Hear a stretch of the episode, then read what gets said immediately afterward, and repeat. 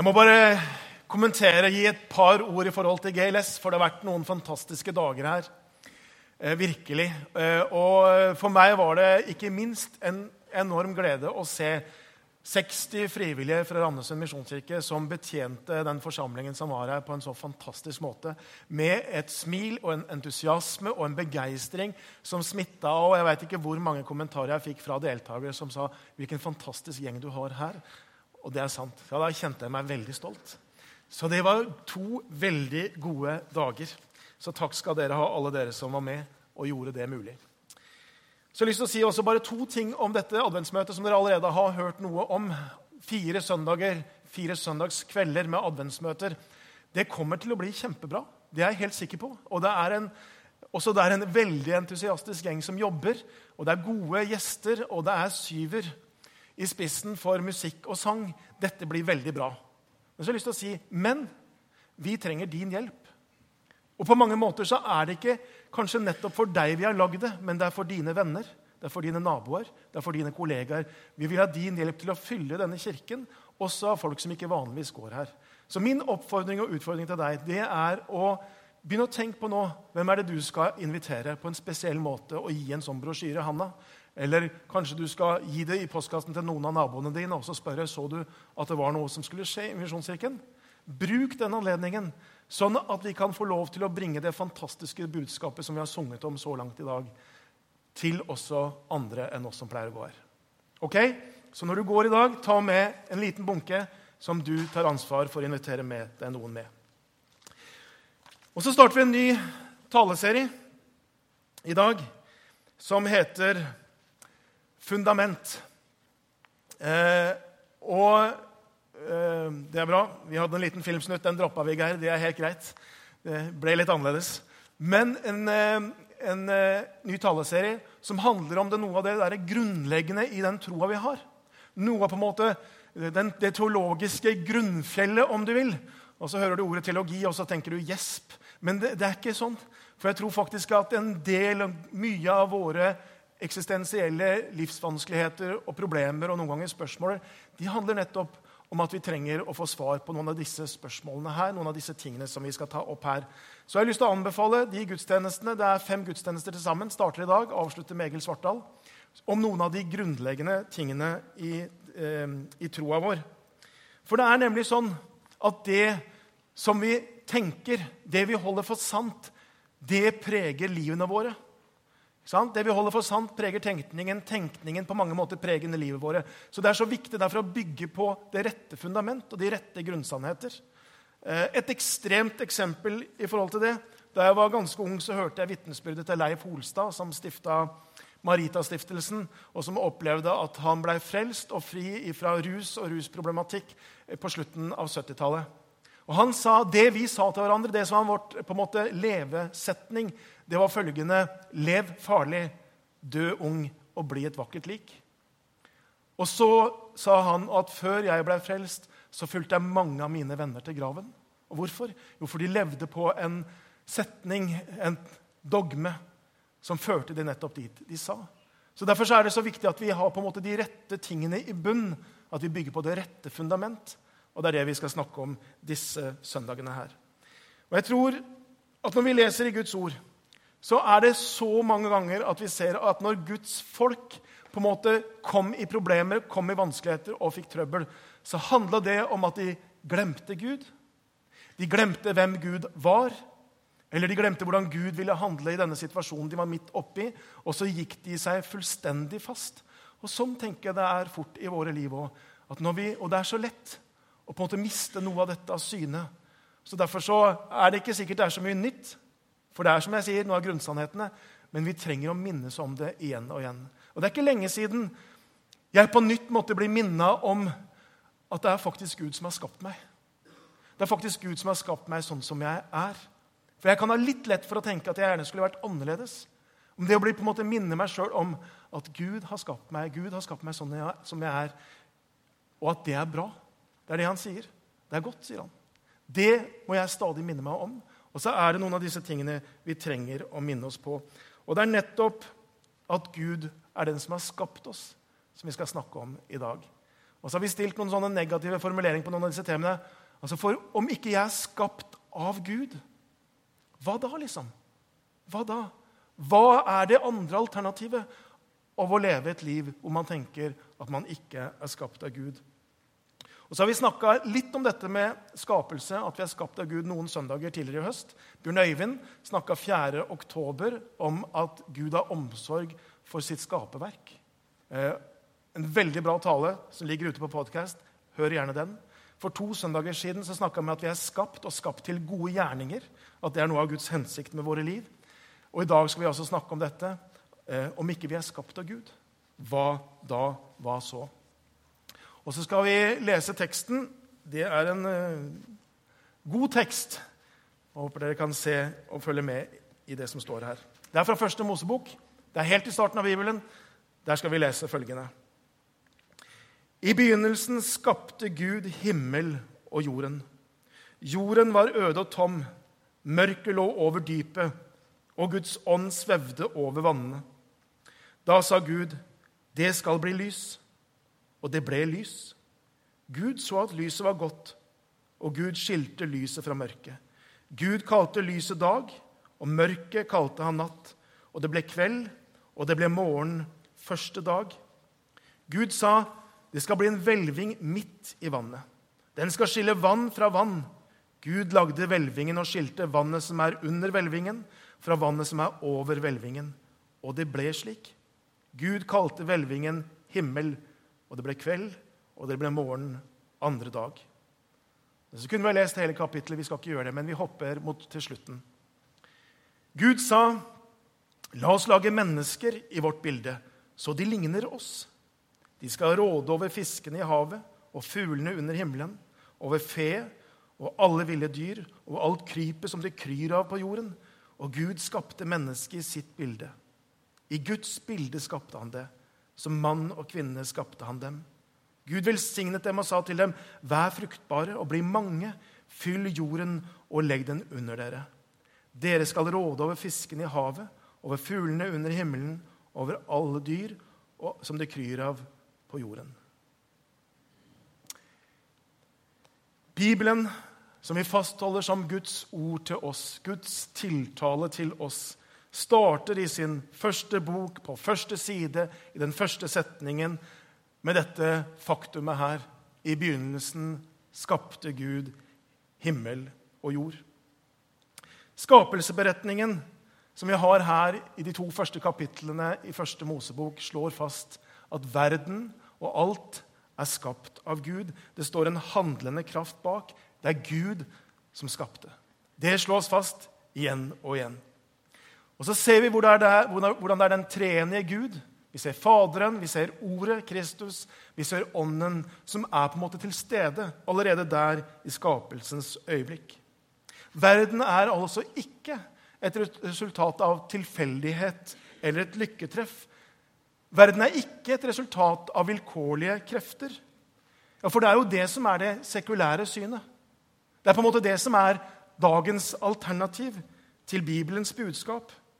Den franske biokjemikeren og nobelprisvinneren eh, Jack Mandon har sagt følgende Livet i dag og i begynnelsen er et hendelig uhell. Et hendelig uhell, sier han. Og En annen, professor Wilden Smith, sier og følger opp. Han sier livets tilblivelse skjedde på samme måte som på spillebordet i Monte Carlo. Ruletten stoppet på nummer for biologi og mennesker.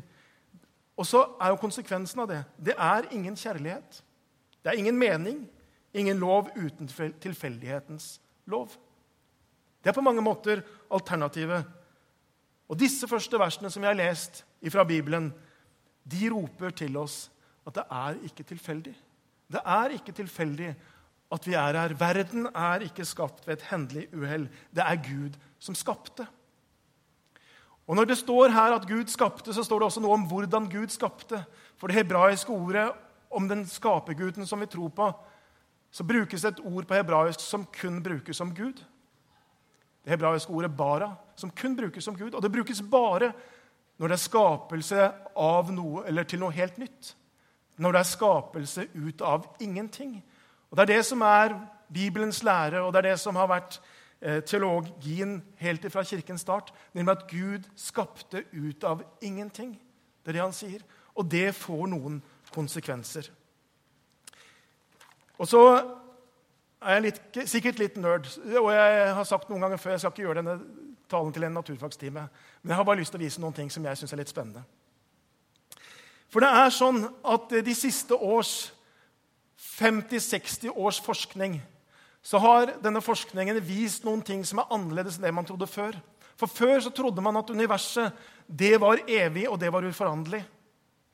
Det var det man trodde før. Men Newtons relativitetsteori i 1917 og for så vidt en del annen forskning eh, seinere det var noen som fikk en Nobelspris blant annet for det her i 1978, viser følgende at universet utvider seg hele tiden. Og Det betyr at når man følger det tilbake, så har universet også en start.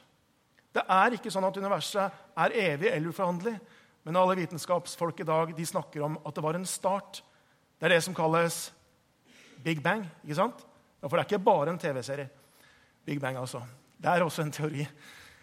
Og så er poenget det at dette er jo et bilde, og det kan du finne hvis du googler WAMP. Og Det er et NASA-prosjekt. Og Dette bildet her på en måte viser universets tilblivelse. Og Det ser jo ut som en trål eller som en, en kjegle eller som en, en, trakt på mange måter, hvor det starter fra ett punkt, og så viser dette en sånn geograf, grafisk framstilling av hvordan universet har utvida seg fra ingenting. Husker du hva Bibelen snakker om? At vi er skapt av ingenting. Det er det de sier. Universet startet egentlig i ingenting. For utenfor denne trålposen for å bruke det uttrykket, så er det ikke engang det tomme rom. Og Vi klarer ikke å tenke det, men det er altså ingenting. Men det er ikke engang et tomt rom. Det er ikke tid. Det er ingenting. Det er ikke materie. Det finnes ingenting. Så hva var før? Det var noe. Hva var før noe? Og så sier de ja, det må ha vært noe. Det må ha vært noen en lovmessighet. Det må ha vært noen krefter. Og så er det en som heter general Schultz, som sier følgende Er ikke dette interessant? Neida. det er ikke sikkert alle syns det, men, eh, men jeg syns det er veldig spennende. Men en som heter general Schultz, han sier følgende at før der hvor det var ingenting, så var det noe lovmessighet eh, som var ikke fysisk, for det fysiske var ennå ikke til, som kunne handle med det fysiske, ikke sant? som skapte det fysiske av ingenting og som er til før det fysiske. Og så sier denne General Schultz, hva høres det ut som? Hva høres det ut som? Jo, han sier det høres ut som den bibelske beskrivelsen av Gud.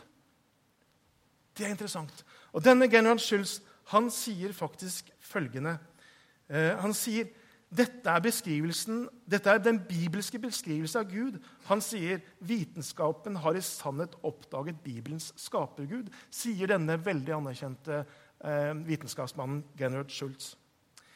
Det er jo spennende, syns jeg. Jeg syns det er litt stilig. Litt nerd er jeg kanskje. Nobelvinner Arno Pensias han sier følgende eh, og Det var han som fikk eh, Nobelspris nettopp for å avdekke bakgrunnsstrålingen. som vi litt om i sted. Astronomi leder oss til en unik hendelse. Et univers ble skapt av ingenting og er så fint balansert at de nødvendige betingelser for liv er til stede. Observasjonen til moderne vitenskap synes å antyde en underliggende, man kan kanskje si en overnaturlig plan. Og så er det stilig at Bibelen har i 3500 år sagt at Gud skapte. I begynnelsen skapte Gud, og at Gud skapte av ingenting. Det syns jeg er ganske stilig. Det finnes mange skapelsesmyter. Det kjenner vi jo til. Har vi gått på en eller annen eh, religionshistorisk time et eller annet sted, så vet vi at det er mange skapelsesmyter. Det finnes på mange måter to skapelsesmyter, eller to typer. For det finnes den moderne skapelsesmyten. Og den moderne skapelsesmyten, hva sier den? Jo, den sier at det materielle det er alt som er. Det finnes ingen Gud, det finnes ingen kraft bak. Det var bare tilfeldig. Og det materielle er alt hva som er. Og det eneste vi har å leve for, er egentlig det materielle. Det er penger, det er opplevelser, det er ting. Det er på en måte konsekvensen av den, eh, den moderne skapelsesmyten. Men så sier han finnes, det finnes også gamle skapelsesmyter. De eldgamle skapelsesmytene. Og hva er det de sier? Jo, De sier på mange ulike måter hvordan jorda har blitt til. Noen snakker om at det var en krig blant gudene. Noen snakker om at, at vi egentlig befinner oss på, på ryggen av et kjempevesen osv. Men det som disse skapelsesmytene har til felles, alle sammen, det er at ingen av de sier det Bibelen sier, at verden ble skapt av ingenting. Det er det bare Guds ord som sier. Det er bare Guds ord som sier det. Og mens de gamle da, mytene de sier noe om enten at denne verden som vi lever i, det er Gud. Alt er Gud. Alle trær, alle steiner, alt er Gud. Det er en konsekvens. En annen konsekvens det er at disse gamle skapelsesmytene sier at denne verden vi lever i, den er ikke egentlig det virkelige. Så dette her trenger vi ikke bry oss så mye om.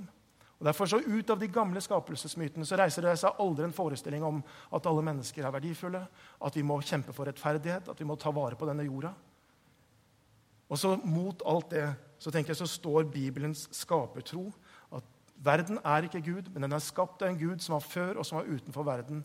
Den er god, den er Guds villet. Derfor så får det noen konsekvenser. Vi kan glede oss over skaperverket, vi kan nyte skaperverket. Det er det ene. Skaperverket forteller oss om en raus, allmektig, skapende Gud. Det er et annet punkt. Den forteller oss at vi skal ta vare på skaperverket. Vi har fått et forvaltningsoppdrag. Det er en annen ting som skapertroen viser oss. Den viser oss også at alle mennesker uansett er verdifulle. Alle er skapt i Guds bilde, leste vi. Så alle mennesker er verdifulle. Og det gjelder også for naboen din som ikke vil ta ned de trærne som stenger for utsikten din. Eh, ikke sant? Det gjelder for de som er langt borte, det gjelder for de som er veldig annerledes. Alle sammen er skapt i Guds bilde. Og Det er det som skapertroen forteller oss. Og Derfor så har hva vi tror på når det gjelder tilblivelse og skapelse, får så mange implikasjoner og får så enormt mange konsekvenser. Og Derfor så er dette viktig at vi dykker ned i. Og sånn, Kanskje vi er halvveis nå i talen min. Eh, men jeg skal ta tre punkter som jeg tenker er viktige. Og så finnes det mange andre implikasjoner eller konsekvenser av at vi tror på en skapergud. Men tre ting som jeg har lyst til å peke på. Fordi jeg er skapt av Gud, har livet mitt mening. Fordi jeg er skapt av Gud, har livet mitt mening. Det er en klisjé som vi møter i mange ulike sammenhenger, ikke minst i partiprogrammer og i politiske debatter, hvor man sier jeg eller man, men det står vi trenger noe å leve for, ikke bare noe å leve av. Og Det sier man jo gjerne når man skal forhandle om økonomi. ikke sant? Det er ikke det viktigste. Men det er en klisjé tror jeg, fordi det er sant. Eller det er sant. Mennesket trenger noe å leve for. Vi trenger en mening med det vi gjør. Vi trenger en mening med livet. Og det må være noe mer enn at vi får tak over hodet og har mat, at vi får penger inn. Eh, Posten har jo en sånn eh, slogan hvor det står 'Vi lever for å levere'. Lagt merke til det? Det er posten sitt. Og så vet jeg En del ansatte de syns ikke noe særlig om det. Fordi at de sier 'Jeg lever for noe større enn å levere post'. Ikke sant? Jeg må jo leve for noe større enn det. Men det er i hvert fall det poenget er at vi trenger noe å leve for. Og jeg, jeg tenker I, i dagens samfunn er det på mange måter et, et rop etter mening. Et rop etter at noe skal gi mening i livet.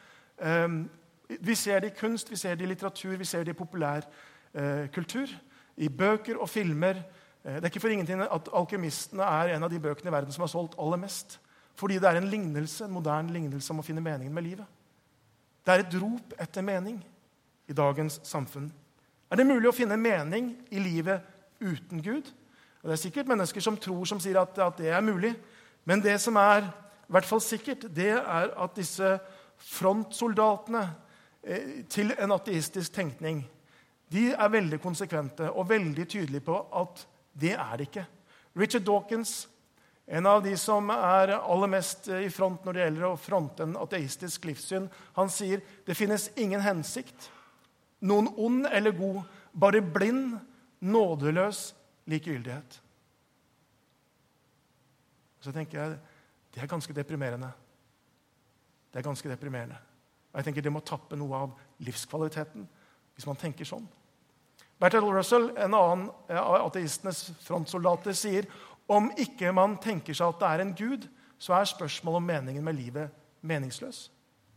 Da er det irrelevant å stille spørsmålet om meningen med livet. Han trodde selv ikke at det var noe verken Gud eller mening med livet. Og så er Bibelens perspektiv så annerledes. Den sier at vi er skapt av Gud, vi er skapt for Gud. Våre liv, ditt liv og mitt liv, tilværelsen, den har en mening. Det er et poeng med at vi er her, sier Guds ord. Vi er skapt til fellesskap med Gud. Vi er skapt til å leve i relasjon med andre mennesker. Vi er skapt til å avspeile kjærlighet. Guds kjærlighet til oss kan vi avspeile videre. Bibelen sier vi er skapt til gode gjerninger. Vi er gitt et oppdrag både som handler om å forvalte dette skaperverket her, men et oppdrag også om å utbre Guds rike. Og fortelle alle mennesker på denne jorda her at det finnes en skapergud. Deres liv har mening. Jesus Kristus har kommet og gitt sitt liv. Våre liv har mening, og de har en hensikt. Historien har en mening, og Gud styrer historien mot et mål. En ny himmel og en ny jord.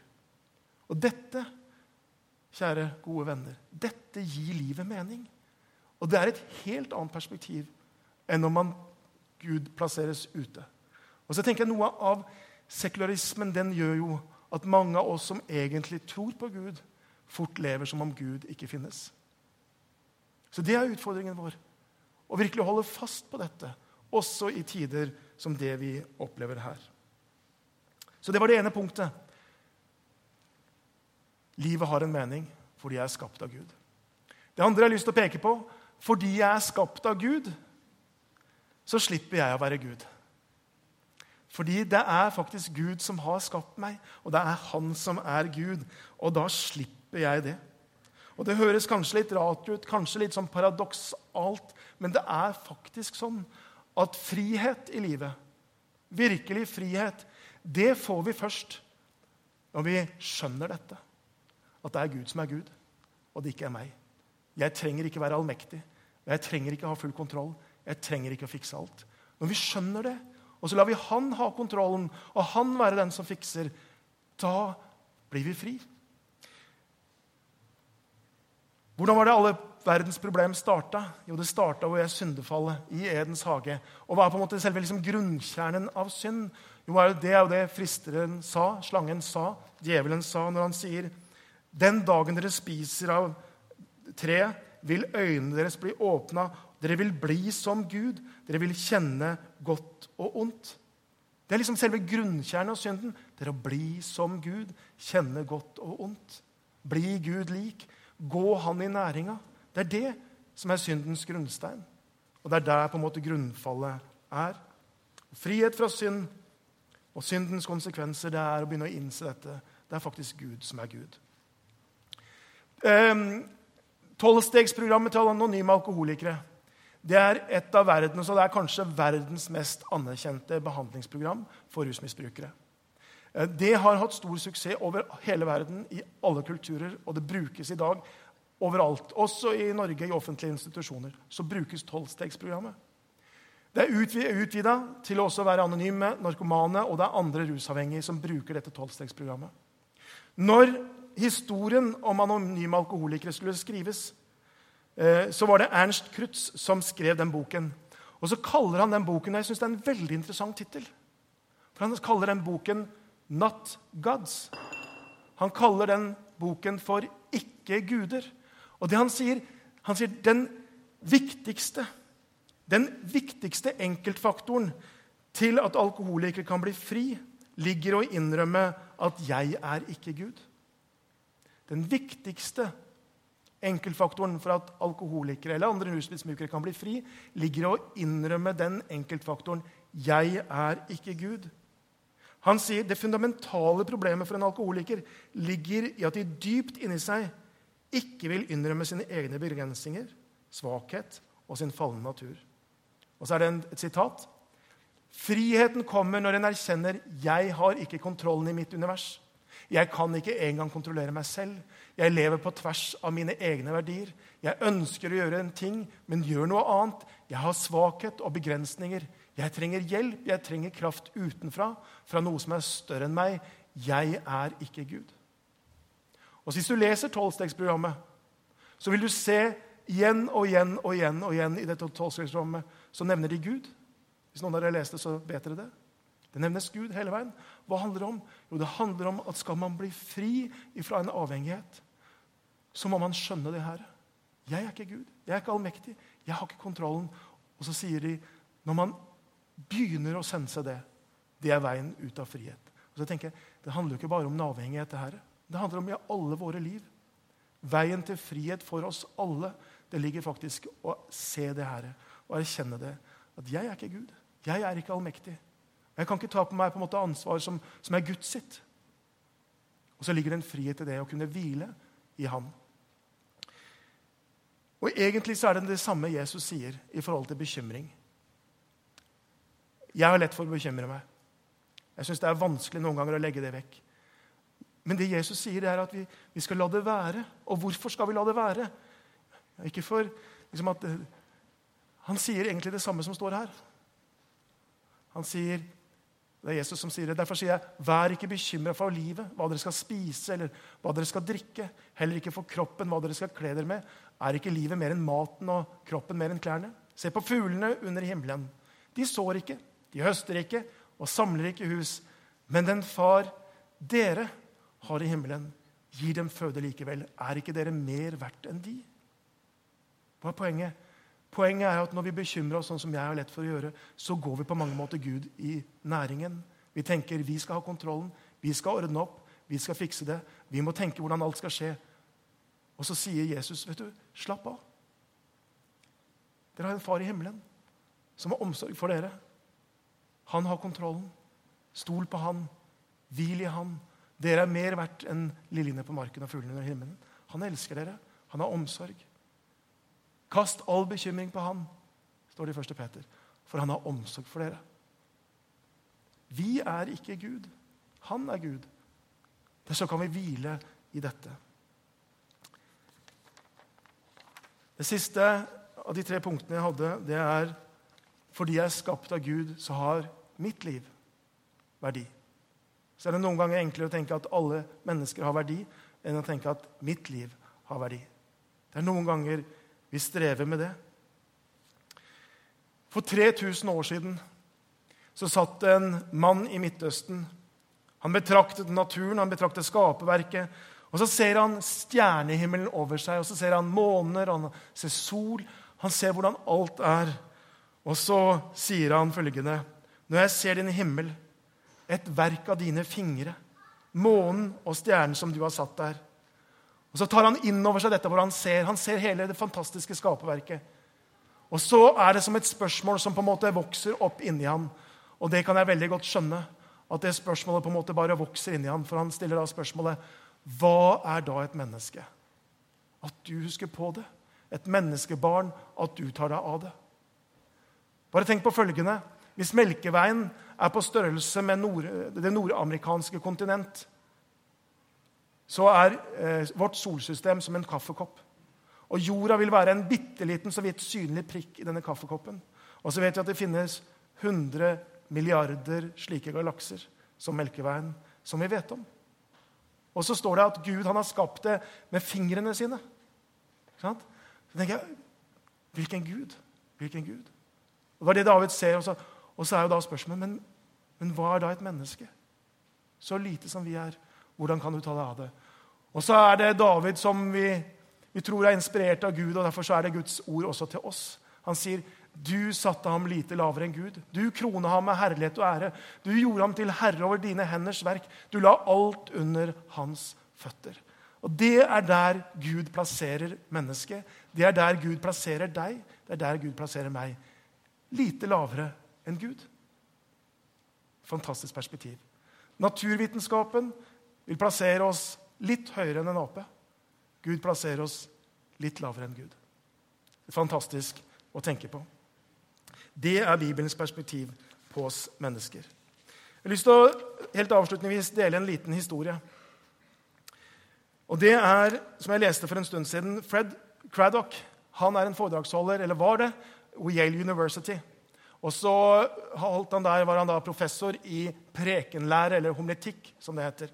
Og så var han og kona på en ferietur til Gatlinburg i Tennessee. Og så var det en kveld de var ute, og så ville de ha en koselig romantisk aften på en restaurant. og Så setter de seg ned, og det var stille og rolig, og så har de bestilt maten. Og så sitter de og venter på at maten skal komme. Og så ser de at det er en eldre mann som går fra bord til bord og snakker med de som er på besøk der. Og så sier Fred Craddock til kona si Oi, håper han ikke kommer hit. De ville ha det stille og rolig. Men han strener bort til dem når han får øye på dem. Og Så går han bort og så hilser han på dem, og så kommer han i snakk med dem. Og så spør denne gamle mannen ja, 'Hvor kommer dere fra?' Og Så sier de hvor de kommer fra. Og så spør han, 'Ja, hva driver dere med', da? Og så sier Fred Craddock han sier, 'Jeg underviser i, i prekenlære, i homiletikk og i Yale'. Og så 'Å', sier han, 'så du underviser predikanter?' Da har jeg en predikanthistorie som jeg har lyst til å fortelle deg. Og så sier Fred Craddock, åh, jeg var ikke klar for det'. det var sånn, og alle har liksom en sånn historie. Jeg orker ikke det i dag. Men denne gamle mannen han drar ut stolen og setter seg ned. Og så forteller han sin historie. Han sier at 'jeg er født rett i nærheten her på andre siden av fjellet'. Og her er jeg vokst opp. Og så er dette ganske mange år siden, begynnelsen av, eh, av dette år, eller forrige århundre. Og så sier han, 'mammaen min fikk meg utenfor ekteskapet'. Og gjennom hele min barndom så ble jeg mobba pga. det. Når jeg begynte på skolen, så ga mine klassekamerater meg et kallenavn. Og det var ikke noe fint kallenavn. Og jeg holdt meg for meg sjøl fordi jeg blei ja, mobba, rett og slett. Så i friminutter og storefri så prøvde jeg å finne et sted hvor ingen så meg, og holdt meg for meg selv. Og så sa han at det var, og enda verre var det når jeg skulle liksom til byen på lørdagene.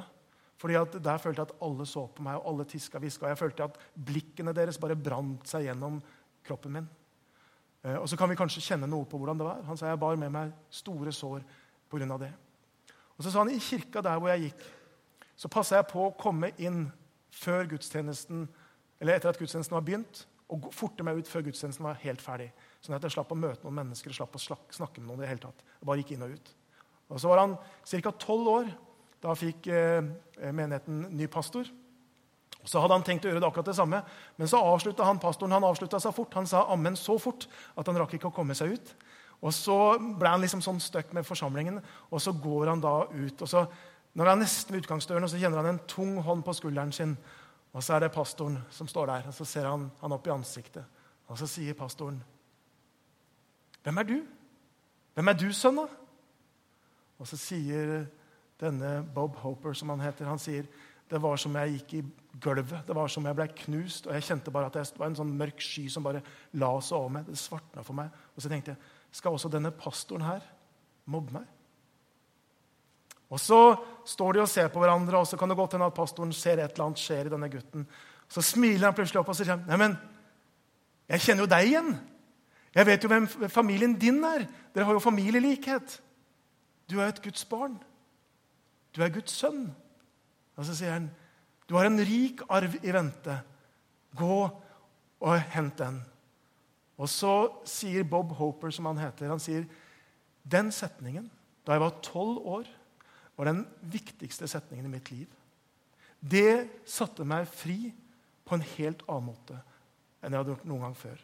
Og Så sier han ha det til dette ekteparet som sitter der, og så går han. Og så plutselig så demrer det for denne Yale-professoren hvem han har snakka med. For det er Bob Hoper, som har vært guvernør fra Tennessee og blitt valgt inn to ganger i Senatet. Og så, Hvorfor? Fikk, hans liv kunne fått en helt annen retning. Men det fikk den retningen fordi det var noen som fikk fortalt ham på en sånn måte at han skjønte det, at han var Guds barn. Og det er noe med det. Det finnes en sånn frihet i det å kunne erfare og oppleve at jeg er skapt av Gud, jeg er elsket av Han. Han liker meg, han bryr seg om meg sånn som jeg er.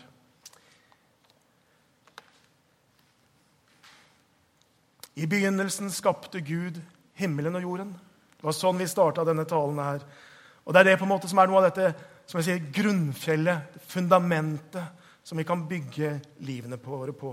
Så jeg har bare lyst til å oppsummere og si ditt liv har mening. Ditt liv har en hensikt. Gud vil fullføre sitt verk gjennom deg. Du trenger ikke å klare alt, du trenger ikke å fikse alt, du trenger ikke å ha full kontroll. Fordi du er ikke Gud. Gud er Gud. Og så kan du få lov til å legge av deg om det er avhengigheter, om det er bekymringer eller om det er andre ting. Du kan legge det på Gud. Han er Gud, og ikke du. Og ditt liv, det har en uendelig verdi. Ikke for hva du gjør, og ikke hva du har fått til og kan vise til, men rett og slett fordi du er skapt av Gud. Derfor så har ditt liv uendelig verdi. Det er et grunnfjell å bygge sitt liv på. Så jeg har bare lyst til å si hold fast på det. Tro det. La det gjennomsyre din tenkning og ditt liv. Finn ut hva det konkret betyr i ditt liv. Finn det ut, hold fast, og finn gleden og hvilen i det. Skal vi be. Kjære Jesus Kristus. Jeg takker deg for at du er her, og du er her for å møte oss, og du ser oss, og du bekrefter oss. Du kjenner våre liv. Du kjenner det vi har fått til, og det vi ikke får til. Du kjenner hvor vi trår feil, og hvor vi liksom syns at vi lykkes. Jesus. Men uansett, over alt det, så er din kjærlighet mot oss konstant, Herre. Vi er skapt i ditt bilde, og vi er Du døde for oss på korset. Og så har jeg bare lyst til å be for de, den enkelte som er her i dag. For du kjenner hvert eneste liv. Og så ser du om det er noen punkter her som du trenger på en spesiell måte å minne dem på, tydeliggjøre, hjelpe dem til å huske og holde fast ved. I ditt navn. Amen.